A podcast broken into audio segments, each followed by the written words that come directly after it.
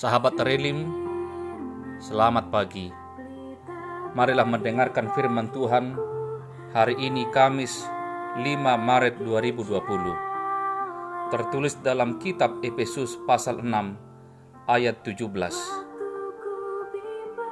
Dan terimalah ketopang keselamatan dan pedang roh, yaitu firman Allah. Demikian firman Tuhan. Saudara-saudari, tahukah kita bahwa Alkitab adalah firman Tuhan yang disampaikan Allah melalui orang-orang pilihannya, melalui orang-orang kudus. Awalnya, Alkitab bukanlah suatu keutuhan seperti yang kita kenal sekarang, melainkan kumpulan-kumpulan Firman Tuhan ditulis dalam naskah tulisan tangan atau manuskrip, memakai bahan papirus, sejenis tumbuhan air besar, bahan membuat kertas pada zaman kuno. Alkitab dikumpulkan dan diproses melalui kanon, yaitu proses finalisasi Alkitab yang berlangsung secara bertahap oleh bapak-bapak gereja. Perjanjian Lama terdiri atas 39 kitab ditulis dalam bahasa Ibrani.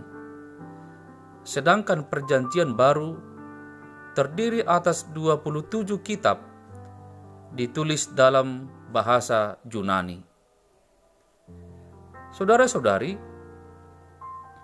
pada tahun 1380 di bawah pengaruh John Wycliffe dilakukan penerjemahan Alkitab dari bahasa Latin kepada bahasa Inggris.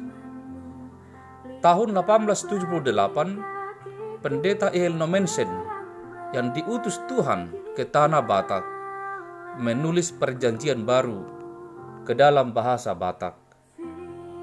Tahun 1894, pendeta PH Johansen menulis perjanjian lama ke dalam bahasa Batak.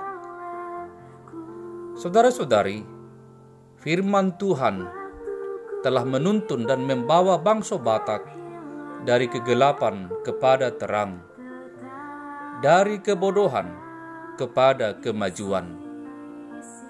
Bangsa Batak telah diberkati Tuhan, dan Tuhan meminta dengan firman-Nya agar kita menjadi saluran berkat bagi orang lain. Jangan pernah melewatkan satu hari pun dalam hidup kita tanpa mendengarkan firman Tuhan. Sebab senjata kita, alat kita, nilai yang menggerakkan kita, menjawab dan memenangkan segala pergumulan adalah firman Tuhan. Terimalah firman Tuhan menjadi ketopang keselamatan dan pedang roh bagi kita. Amin. Marilah kita berdoa. Ya Tuhan, sanggupkan kami berjalan, menghadapi dan mengatasi segala yang terjadi dalam hidup kami dengan kekuatan firman Tuhan. Amin. Shalom